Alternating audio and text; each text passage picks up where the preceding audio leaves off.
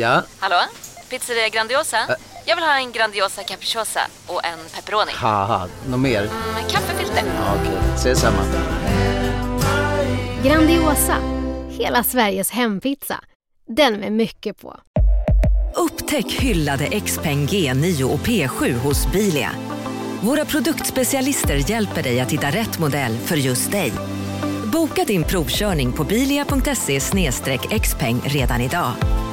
Välkommen till Bilia, din specialist på X-peng. CSRD. Ännu en förkortning som väcker känslor hos företagare. Men lugn, våra rådgivare här på PWC har koll på det som din verksamhet berörs av. Från hållbarhetslösningar och nya regelverk till affärsutveckling och ansvarsfulla AI-strategier. Välkommen till PWC.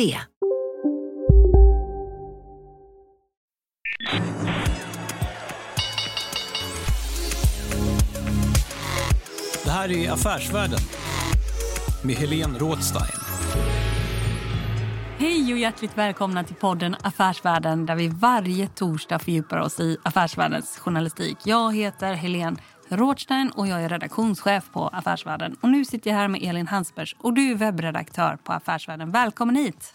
Tack så mycket. Du Elin, om vi snackar klickbomb. Hur vet du att du har att göra med en klickbomb när du ser en nyhet? Alltså när jag ser en nyhet då är det främst personerna som drar kanske. Ingves, Magdalena Andersson, men också vissa ämnen. Ehm, kryptovalutor var stort ett tag. Nu är självklart svenska kronan och fallet som drar. Men också bostadspriser, det drar ganska hela tiden. Men sådana här finanskändisar, så här, Christer Gardell. Ibland, men han eh, uttalar sig också väldigt mycket i media. Så det beror på hur tyst han har varit. Ja, I tjatiga perioder så drar det inte lika mycket kan man säga. Okej. Du, när jag jobbade som webbredaktör som var på en finansiell sajt kan man säga. Då så eh, var det påtagligt att något som drog det var när vi skrev av stora maskiner. Alltså så fort det var så stridsflygplan eller några gruvmaskiner eller något sånt där. Nej, men så fort det gällde stora maskiner så klickades det ganska ordentligt. Och så fort vi skrev någonting om kungahuset så var det också väldigt populärt. Va, är det några trender som du har lagt märke till? Ja, det har jag väl. Vi lägger ju inte ut så mycket om kungahuset men de få gånger vi gör det eh, så drar det väldigt mycket trafik. Mm. och det antar jag har att göra med att folk antingen älskar eller ja, hatar kungahuset. Mm. Starka känslor, det drar trafik. Och det vet man också ifall det är väldigt sådär, starka åsikter åt till exempel höger. Då drar det extremt mycket trafik, eller hur? Exakt så är det. Mm. Och eh, lägger vi ut eh, någonting från andra lägret så drar det också väldigt mycket trafik. Mm. Och speciellt då kanske i våra sociala medier. Ja, Spännande. Du, vi har ju precis varit i Boston. Vad tar du med dig därifrån? Jag tar nog eh, mest med mig den väldigt levande startup-scenen. Biotechbolagen, det är mycket som händer där just nu. Och du Helene, du intervjuade ju Kristoffer Ahlberg. Vad tar du med dig från den intervjun? Det är inte varje dag man träffar en medgrundare till ett Göteborgsbolag som har sålts för 7,4 miljarder kronor till ett stort amerikanskt riskkapitalbolag. Och för allmänheten så är Recorded Future kanske inte så känt. Eh, men de kombinerar två heta teknikområden och det är cybersäkerhet och AI. Och eh, det här blir ju allt viktigare i en tid när kaffeautomater kan användas för att hacka sig in i storföretag. Då blir dessa tjänster avgörande. Intervjun med Kristoffer Ahlberg på Recorded Futures huvudkontor i Boston, den kommer här. Och nu sitter jag här i Boston och jag har träffat Kristoffer Ahlberg. Och du är en av grundarna till Recorded Future. Välkommen hit. Tack så mycket. Tack för att du får vara här. Eller jag är ju faktiskt och hälsar på dig. Ja. och vilket... Välkommen till Boston. Ja, tack. Du, eh, det här kontoret det ligger lite gömt kan man ju säga. Det ligger Nästan. Är det bara en tvättomat här utanför? Eller? Ja, en tvättomat här utanför. Jag brukar kalla det pretend secret. Så vi, vi, I början av Record Future så var vi lite hemlighetsfulla av oss. Och nu är det lite på kul mest att vi uh, har kontoret som sagt. Vi, det finns den här tvättomaten på framsidan. När vi tog över den, det, den byggnaden så sa vi till landlorden att uh, du får, det ingår i kontraktet att skyltarna för tvättomaten måste vara kvar. Liksom, bara för det är bra för imagen men i verkligheten du hittar oss hur, hur lätt som helst. Det var inte så jättesvårt bort. Ni håller på med threat intelligence. Berätta lite, vad är det för någonting? Jo, Threat Intelligence har blivit namnet på att, att göra underrättelsetjänst kring cybersecurity. Om man tänker sig cybersecurity eller informationssäkerhet där man gärna vill försöka hålla ordning på sin information på sitt företag och se till att ingen, ingen, ingen stjäl informationen. Informationen kan vara allt från dokument till eh, pengar till eh, information om personer, hemliga ritningar till sin eh, fina nya fighterjet eller alla möjliga olika varianter. Och traditionellt så har det fokuserat på att försöka se saker och ting från sin brandvägg och inåt. Liksom. Försöka se från, från, den, från eh, perimetern på företaget då. Eh, eller på en organisation. Eh, och vi har då under många år här propagerat för att det är lika viktigt att försöka förstå hotbilden utanför sitt företag. Det kan vara att försöka förstå vilka hot som händer för andra företag eh, och se vad man kan lära sig från det. Jag brukar göra den här poängen att vad är det bästa indikationen på att du har ett inbrott på gång? Det är att din granne har ett inbrott. Det luriga i informationsvärlden eller i cybervärlden är att din granne kan lika gärna vara ett företag i Australien som har samma brandvägg som du. Så alltså, granne kan vara ett vidsträckt begrepp. Eh, så det betyder att ha den informationen kan vara väldigt meningsfull. Underrättelsetjänst eller threat intelligence kan innebära att försöka verkligen ta sig in där bad guys hänger och försöka förstå deras diskussion, vad de håller på med, vad de planerar. Vi hjälper folk med det på alla möjliga spännande vis. Det kan även vara att samla på sig teknisk information om eh, eh, system som bad guys använder. Försöka använda den informationen så du kan korskorrelera det med vad du ser i dina egna system. Och kring det har vi byggt en jättebra och fin affärsmodell då, så för saker och ting. Jag brukar kalla den the Bloomberg of cybersecurity. Där vi har, kan sälja en skärm i princip, det är inte en fysisk skärm, men i princip en informationsskärm som konsumeras av antingen människor eller maskiner, datorer. Och sen säljer vi det med en subscription-avgift och det blir ett jättefint företag. Och eh, det, om man ska jämst, liksom, eh, likställa det med en Bloomberg-skärm så kan man ju följa, kan man följa liksom i realtid om man har köpt in er mjukvara, eller? Mm.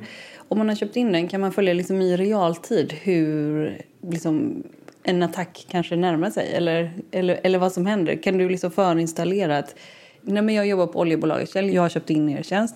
Jag vill se ifall det finns några liksom, attacker på andra oljebolag. Kan jag, kan jag följa det då? Ja, men, alltså, absolut. Det enkla svaret är väl ja. Jag skulle säga så här.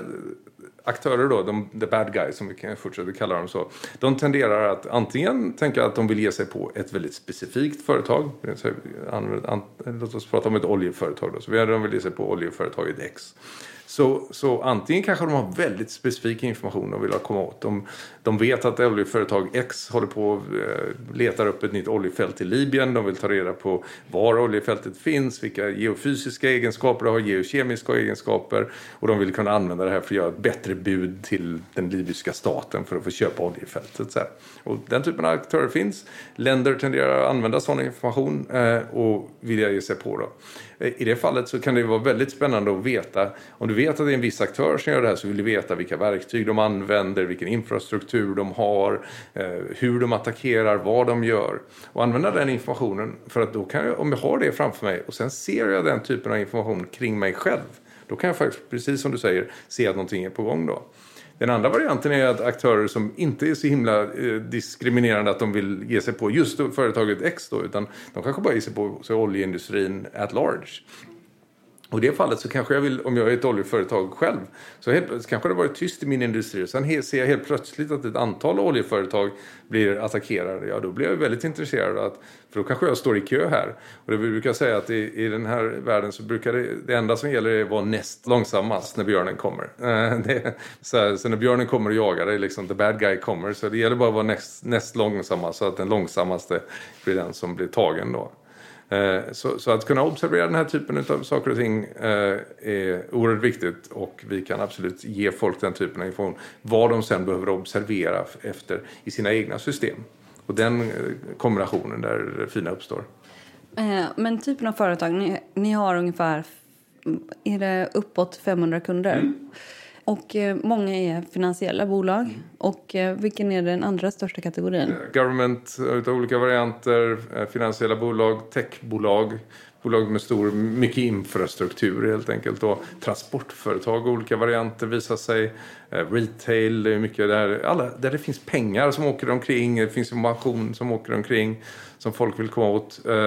Försvarsindustri uppenbarligen är intressant. Så här, det, det, för, det är faktiskt förbluffande horisontellt då. Men, men de stora är väl government, eh, finans och tech som de största sektorerna. Och eh, den privata sektorn är ungefär 80 procent och sen mm. så är liksom government eller underrättelsetjänster ja. är det något eh, och, och, och, och, myndigheter. Underrättelsetjänster och myndigheter. Många myndigheter är ju ganska de, de, en, en, riksbank av olika slag. Det finns vi har massa olika riksbanker i världen. De sitter på mycket pengar, mycket information. Så riksbanker har visat sig bli en väldigt fin eh, kund, kundkrets runt omkring i världen för oss då. Så det finns alla möjliga olika varianter. Jag råkade läsa Säpos årsredovisning och då så såg jag att topp ett som risk var it-attacker mot myndigheter. Vad är det som är sån risk med det?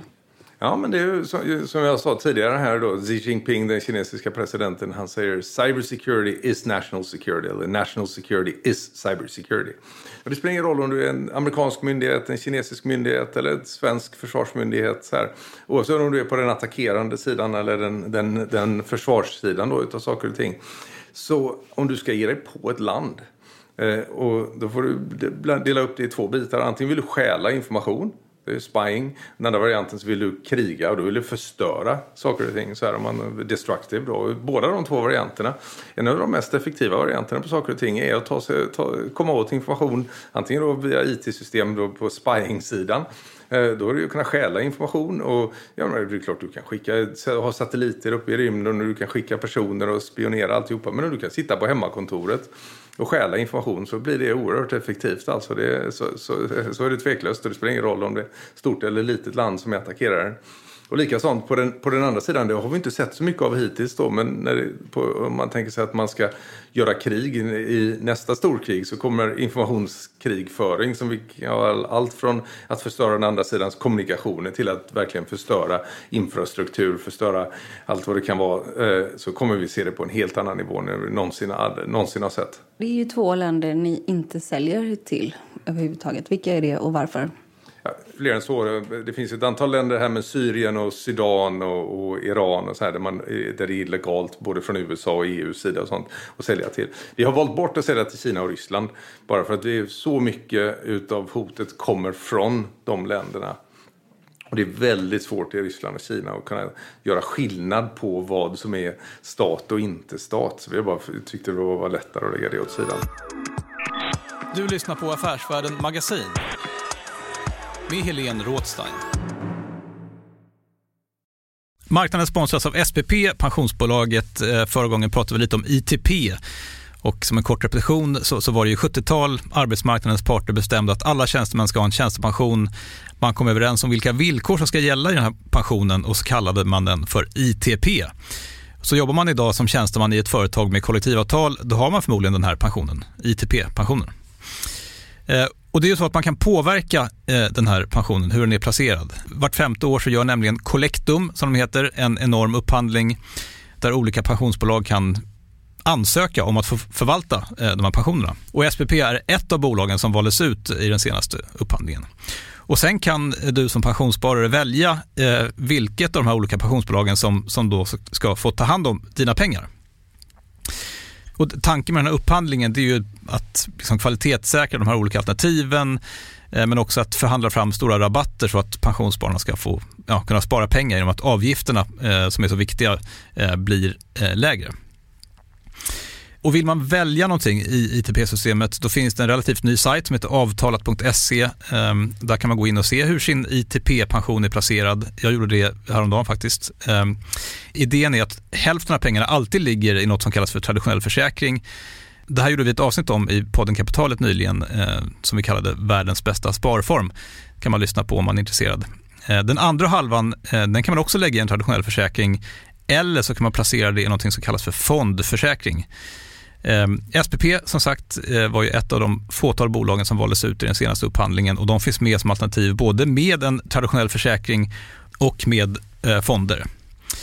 Så det var en liten bakgrund till ITP-systemet. Vill man läsa mer om det här eller typ kolla hur ITP-pensionen är placerad, eh, kanske göra förändringar, då går man in på avtalat.se Eh, men tack säger jag till SPP som vill göra oss människor mer medvetna om hur enormt viktig pensionen är för oss som en framtida lön, men också som en positiv kraft i samhället. Eh, och förstås för att ni möjliggör eh, den här podden Marknaden.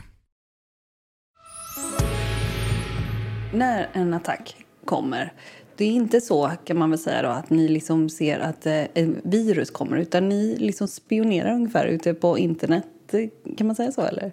Man skulle kunna säga så. Men, men det viktiga är att det, det ingår faktiskt den här virus, eller folk tenderar inte att kalla det virus nu för tiden, de kallar det malware. Men dålig programvara. Vi, vi kan kalla det virus. Att om, vad vi gör är allt från att som du säger spindla runt omkring och titta i ett eh, ryskt diskussionsforum och se vad aktörerna pratar om. Men det är lika värdefullt att faktiskt få tag på det här viruset, om vi kallar det det, och ta isär det och så ser man kanske att ja, det här viruset när det pratar, phone home, det är liksom, ett virus i sig är inte så himla spännande kanske. Det är spännande med blir det när man ser vad det pratar tillbaka. Det kanske har en command and control node som det behöver skicka tillbaka information till. Om vi får tag på den eh, informationen, en IP-adress till exempel eller en domänadress.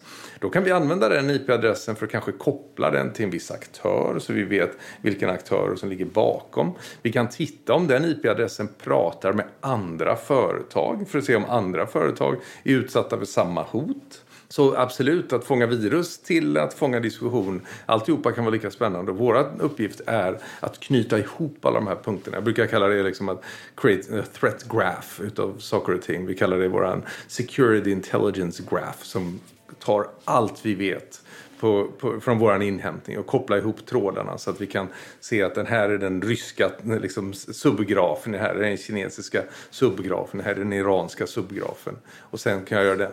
En, en delgraf, den här grafen som knyter ihop alla hot, hotbilden då. Och sen så kunna den iranska biten och den ryska biten utav den. Och mycket spännande man kan göra med det. Eh, när det var val här i USA så var det ju väldigt mycket om ryska eh, attacker och sådär. En stor del. Såg ni något där och kan du säga någonting om det? Det, det, är den spännande biten där då som kanske inte bara var om det amerikanska valet här utan det tror jag är någonting som är intressant generellt då att man har tänkt på informationssäkerhet hittills på någonting som handlar om att ta sig in i system och sen antingen stjäla information, förstöra systemet eller man kan tänka sig olika varianter man vill göra men det är kanske två enkla varianter. Stjäla information eller förstöra.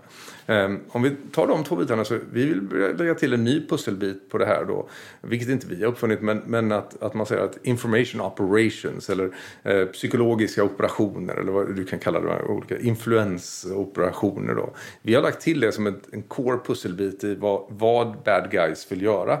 De vill, eh, och i det fallet så istället för att hacka någons dator så hackar man folks huvuden. Och det var ju det man gjorde bland annat då genom att köpa superspecifika Facebook-ads. Så man kunde liksom påverka subpopulationer i, i, USA för att de skulle rösta till höger och vänster till exempel. Då, så här. Eller stjäla e-mail från Hillary Clinton. Då. så här kan man fråga sig hur klumpigt utav henne var att ha den informationen tillgänglig. Men det var ju kanske inte så himla bra utan om sen då sprida den tillbaka och, och, och använda den väldigt illvilliga syften. Det var ju liksom fel på alla, alla håll och kanter det där då. Men eh, så den här typen av informationsoperationer tror jag det kommer liksom, det här var absolut inte sista gången. Det var nog inte första gången heller vi såg den, men det var första gången på den skalan. Eh, och vi kommer få se det här över nästa 50 år skulle jag vilja påstå. Vi har liksom eh, i någon mån weaponized internet här genom alla sociala medier till att göra folk till, till ja vi har gjort det möjligt och då kan man fråga vem vi är. Men världen har gjort det möjligt att hacka inte bara datorer utan hacka hjärnor. Eh, och det här kommer att bli ett väldigt spännande användningsområde eller ett, ett, ett analysområde. Ja, ja men för, för, för, vad är då nästa steg i det? Mm. Vi som inte fattar det här, mm. eller vi, jag, jag, vet inte, jag kanske är ensam. Men, ja, nej, jag, eh, nej, nej, nej, jag, jag tror faktiskt inte heller det. Men vad är då nästa steg i det? Ja, men eh, så den här biten som jag just började prata om då, med influence operations. Då, det, det som blir intressanta där då blir ju att om du tänker från attackerarens perspektiv här, att inte bara ge sig på IT-system utan via sociala media och andra varianter, behöver inte bara vara sociala medier, men det blir enklast att tänka där, så har man ju gjort det möjligt att kunna göra liksom targeted advertising då, liksom att man gör väldigt specifik... Man hittar ett mål alltså. Ja, ett mål som man kan ge sig på subgrupper utav människor väldigt, väldigt specifikt med väldigt, väldigt specifika budskap. Och det är väl här som blir det läskiga då, där man, där man faktiskt kan börja vilja påverka ett land att skifta sig åt X eller Y på saker och ting på sätt som kan bli väldigt otrevligt. Mm. Eh, och det där skulle jag säga att det är ganska oroväckande när man tänker vad man kan se där. För det kommer också väldigt nära. Det kommer in i mobilen, du sitter ensam och liksom att... Eh... Ja, och det har ju visat sig gång efter annan här att man kan påverka folk som sitter på Youtube att liksom så här brr, går ner i svarta hål. Liksom. De börjar på något rätt oskyldigt spår och så två timmar senare så är de nere i någon, någon eh, nazistisk, inte vet jag, liksom, så här, kanske inte två timmar. Men, men, eh, och att kunna utnyttja det där för att kunna påverka populationer det tror jag vi inte ens har sett början till hittills. Då. Mm, mm. Eh, jag tänker när ni säljer också programvara till finansiella aktörer eller överhuvudtaget bolag. Eh, finns det en eh, problematik eller en risk eller chans det på hur man ser det, kring insiderinformation? Man ser att här verkar ett företagsförvärv vara på gång eller sådär. Vi, igen, eh, tidigt i Record Futures historia, du kan hitta det så här, 2011, någonting kan du nog gräva upp saker och ting. Då försökte vi faktiskt kolla hur vi kunde använda vår information för att göra trading-applikationer. Eh, eh, det visade sig att det var väldigt svårt att göra något systematiskt bra av det. Finns det information, ibland så kan man eh, hitta väldigt spännande information. Vi gjorde grejer kring och hitta tidiga, tidig information kring läkemedelsbolag och den typen av varianter. Så här. Men det som är riktigt bra information det tenderar i den världen. Det finns det till mycket pengar då, då, då är det någon som redan hittat det. Så att, att bygga systematiska strategier kring det och sen kunna systematiskt ta betalt utav mer än en person eller en, mer än ett företag för det. Det visade sig vara väldigt svårt. Eh, att, att i den finansiella världen, det tenderar, finansiella världen det tenderar att vara winner takes it all liksom, så här, eh, för, den, för den typen av prylar. Så, så vi valde bort det. Det, det, var, det var inte tillräckligt spännande. Och det var inte så intressant heller. Liksom, att hjälpa världen att, att, att försöka... Eh, cybersecurity är ett jätteproblem tror jag. Det är liksom så här, det, det ett av, ett av de stora problemen att lösa här i världen. Att hjälpa hedgefonder att tjäna mer pengar, det vet jag inte om det är så himla spännande. Du menar det är inte världsförbättrande? Nej, och jag menar jag är kapitalist och jag vet inte om jag, så, så, jag ska inte påstå att jag är världens snällaste och världens världsförbättrande person. Men att, massa, att försöka hjälpa hedgefonder att tjäna pengar, det, det, det, det är ganska långt ner på listan av saker och ting som man intuitivt vill göra. Eh, marknaden sponsras av Karla. Eh, vi pratar ju en hel del om bilar här på kontoret. Eh, karla har ju skapat, skulle jag säga, det som är standarden för hur man idag köper och säljer bilar på nätet. Kort bakgrund bara. Karla säljer och leasar begagnade elbilar och laddhybrider på karla.se. Alltså en helt digital upplevelse. Och man har gjort det här med ett nästan maniskt fokus på vad en bilköpare faktiskt behöver. Jag gjorde ju en intervju med en av grundarna, Patrik Illerstig, i marknaden här eh, ganska nyligen, eh, daterad 25 mars, om man vill lyssna på den. Eh, men där berättar han hur de kom in i det här lite från vänster för att försöka uppfinna hela den här liksom bilköpupplevelsen från början. Och de har idag, vilket är rätt otroligt, 4,8 i betyg eh, på Trustpilot. Jag, jag har sett många företagssidor på Trustpilot, men det här är nog bland eh, det bästa jag någonsin sett eh, faktiskt. Man kan sälja bilen till Karla också. Eh, då går man in på karla.se, delar lite info om bilen, sen får man en gratis värdering och ett bud. De hämtar bilen helt gratis i hela Sverige och så har man pengarna på kontot i samma stund som de hämtar bilen. Det är grymt. Eh, så ska du köpa en ny bil eller sälja din gamla, eller båda delar för den delen, gå in på karla.se och eh, kolla. Alltså karla.se och Karla stavas med C. Tack så mycket till Karla.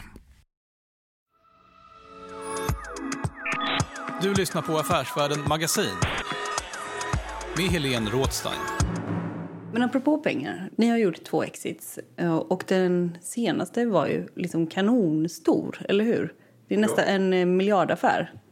Ja. Och eh, det var för att ni sålde till den New York-baserade riskkapital, det New York-baserade riskkapitalbolaget Insight Partners som har köpt mer och mer mjukvaror kan man säga på, på, på sistone. Men det, um, för det första en miljard. Kommer ni vara kvar i bolaget? Ja, det är absolut min tanke. Jag menar, dels är jag 50 år vid det här laget. Liksom, så, här, så startups is a young man's game. Liksom, så, här, så göra något mer det bolag, det, det, det, det klarar jag inte av. Liksom. Det här, jag, har gjort, jag har aldrig haft något annat jobb än jag har hållit på i 23 år och gjort startups nu. Liksom. Att, att göra något mer startup från början, det, that, that's impossible. Mm. Det, det, det, hjärnan har liksom squeezats ut för det tror jag. Och nummer två, så är vi, vi är bara början på det här. Det är så himla kul.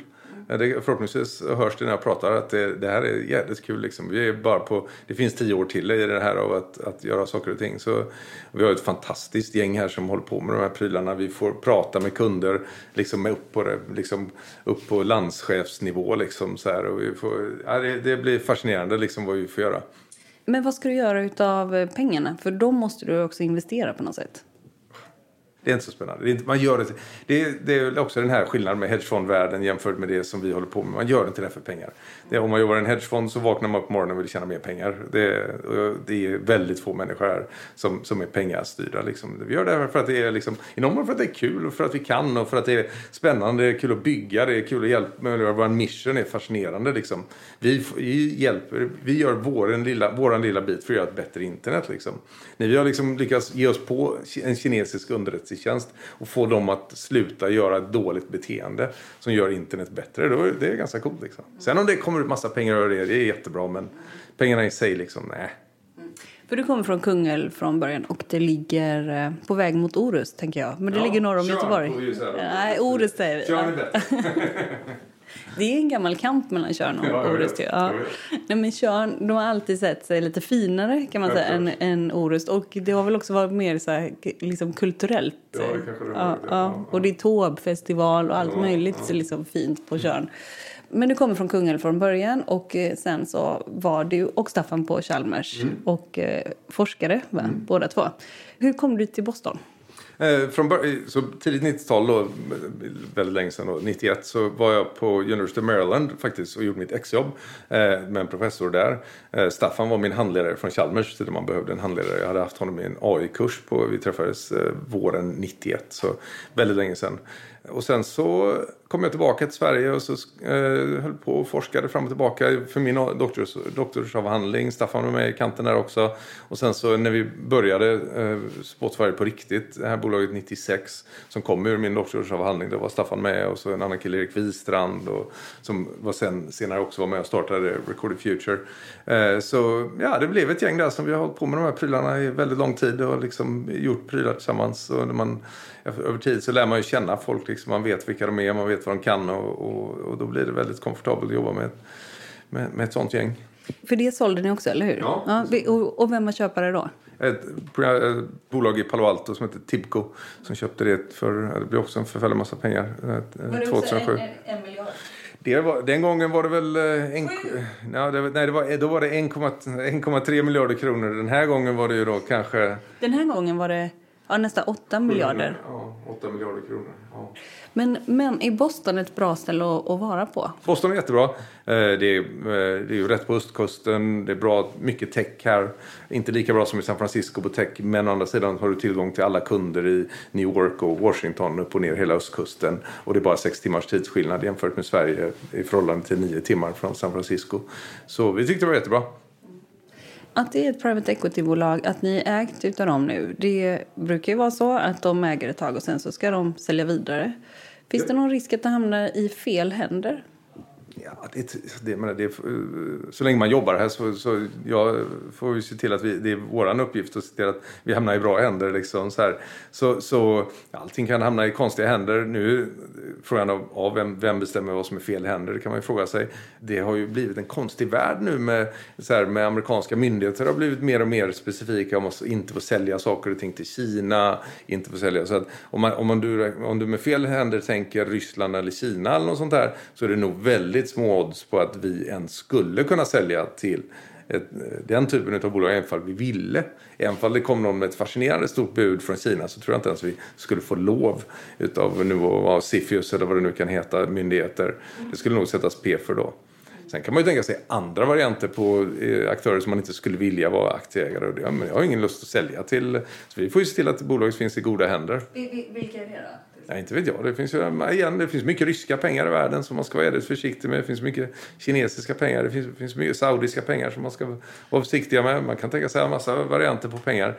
Du menar, man, du menar man, ska vara bra, man ska vara noggrann här i världen. Med, jag har hållit på med det här nu i vad blir det, 23-24 år. Och man ska se till att man har bra aktieägare. Bra aktieägare som man kan vara komfortabel med. som Eh, kommer att vara goda aktieägare även om man är i dåliga tider, som är etiska, som kommer göra bra beslut, som kommer vara liksom... Och vi har ju alltid varit bra på det hittills tror jag. Och, och, och ibland har det varit kontroversiellt, som Incutel har varit en aktieägare eller Google, liksom den kombinationen i, i Record Future. kom det ju massa folk och var så bara, åh, jag tror de himlen ska ramla ner liksom. Det visade sig att det var fantastiskt bra aktieägare, långsiktiga aktieägare. Och det var Google Venture va? Google Ventures, ja till exempel. Så det var ju massa så, åh hemskt, Google ska bygga det här och det här. Men det var jättebra, fascinerande bra aktieägare. Så, här. så vi har alltid varit väldigt noggranna med att se till att vi har bra aktieägare som vill tänka långsiktigt och bygga ett bra bolag. Är du fortfarande delägare? Ja, absolut. Eh, jag pratade med någon på, en reporter på Ny Teknik och, och så frågade jag vad är det för kritik som riktas liksom, mot er? Och då mm. så sa eh, den personen att Ehm, en kritik är liksom att eh, liksom som folk har sagt, det är att ja, men de sitter där, man kan köpa in det här på till exempel underrättelsetjänster kan köpa in det här och så blir det liksom som en dyr leksak för dem som inte ger så mycket egentligen. Vad säger du om det? Det kan ju säkert vara någon som säger det, men å andra sidan så, så eh, eftersom vi säljer vår produkt som ett ettårsavtal eller treårsavtal. Det är inte någonting du köper och sen så äger du in perpetuity då. Så att vi har ju extremt hög motivation för att se till att efter ett år så säger någon jag vill ha det igen. Mm. Och statistiken visar att folk vill ha den igen. så, så om det hade varit en leksak så hade inte folk, för den är så pass dyr den här leksaken då. Så att eh, folk hade slutat i så fall att köpa den. Och vi visade sig att vi har väldigt fina siffror. Vi har kunder som har varit med oss i, som längst kanske åtta år eller någonting. Vi har folk som, sen när vi släppte första här cyber security-fokuserade versionen av produkten 2012 så har vi folk som har varit med hela vägen sedan dess. Då. De har förnyat sina avtal sju gånger då. Så det, det tror jag inte de skulle göra om det var en, en leksak. Big data kan man säga mm. att ni lever på. Det är ert liksom, bröd och vatten. Mm. Kan man tänka sig att ni senare skulle kunna gå in? Det var en drönarattack till exempel i Saudiarabien va? Ja. ja. Kan ni förutse någon eh, terrorattack till exempel? Med, alltså, eller har ni varit nära eller har ni lyckats göra det? När man kan liksom förutse saker och ting via dator kan man se här, här finns faktiskt risk för... Generellt, generellt sett så folk vill alltid förutsäga, men jag brukar säga att det är, det är som du ska, om du tänker i aktievärlden då, så att om du vill förutspå aktiekursförändringar, så att göra det när det finns high frequency trading, när det finns mycket observationer, att titta på liksom, när det, saker och ting rör sig i, i hög fart. Eh, då kan man tänka sig att göra sådana saker och det är så här high frequency traders blir duktiga på sånt. De måste vara duktiga på det. Däremot att förutse aktiekurser matematiskt över tre års sikt och fem års sikt är väldigt svårt. För att du har ju få, du har få observationer liksom. Så här. Eh, det finns de som kan vara duktiga på det, det finns de som är riktigt dåliga på det. Så här alla olika varianter. Den, samma problematik uppstår i att föreslå terrorattacker men faktor tusen värre då. Att du har så få observationer att om du tar alla världens terrorattacker sammanlagt någonsin, jag vet inte vet jag, är det 10 000 eller någonting kanske? Det, det, det är inte 100 000. Och, och, de, och sen kan du inte titta på dem globalt för att vad som händer i Colombia i förhållande till vad som händer i Irak, i förhållande till vad som händer i, i, i Irland är så annorlunda så du kan inte använda mönstren hipp som happ. Så att enda gången man har kunnat göra korta bursts av förutsägelser kanske var kring IED-attacker i, i, Irak och i Afghanistan under vissa tidsintervall när det var tillräckligt hög frekvens. Så det, det, är lång, det är långt svar på egentligen att säga nej. Att terrorattacker är jädrigt svårt att förutsäga. Det är inte ens värt att försöka göra på något slags matematiskt vis. Kristoffer Ahlberg, tack för att du var med i podden Affärsvärlden. Tack så mycket. Du har lyssnat på en podd från Affärsvärlden. Jag heter Helene Rothstein och är redaktör på Affärsvärlden. Mer fördjupande journalistik om näringslivet finns både på nätet och i Sveriges äldsta och faktiskt bästa affärsmagasin. Du hittar oss enklast på affärsvärlden.se och podden den är tillbaka om en vecka. Håll ut!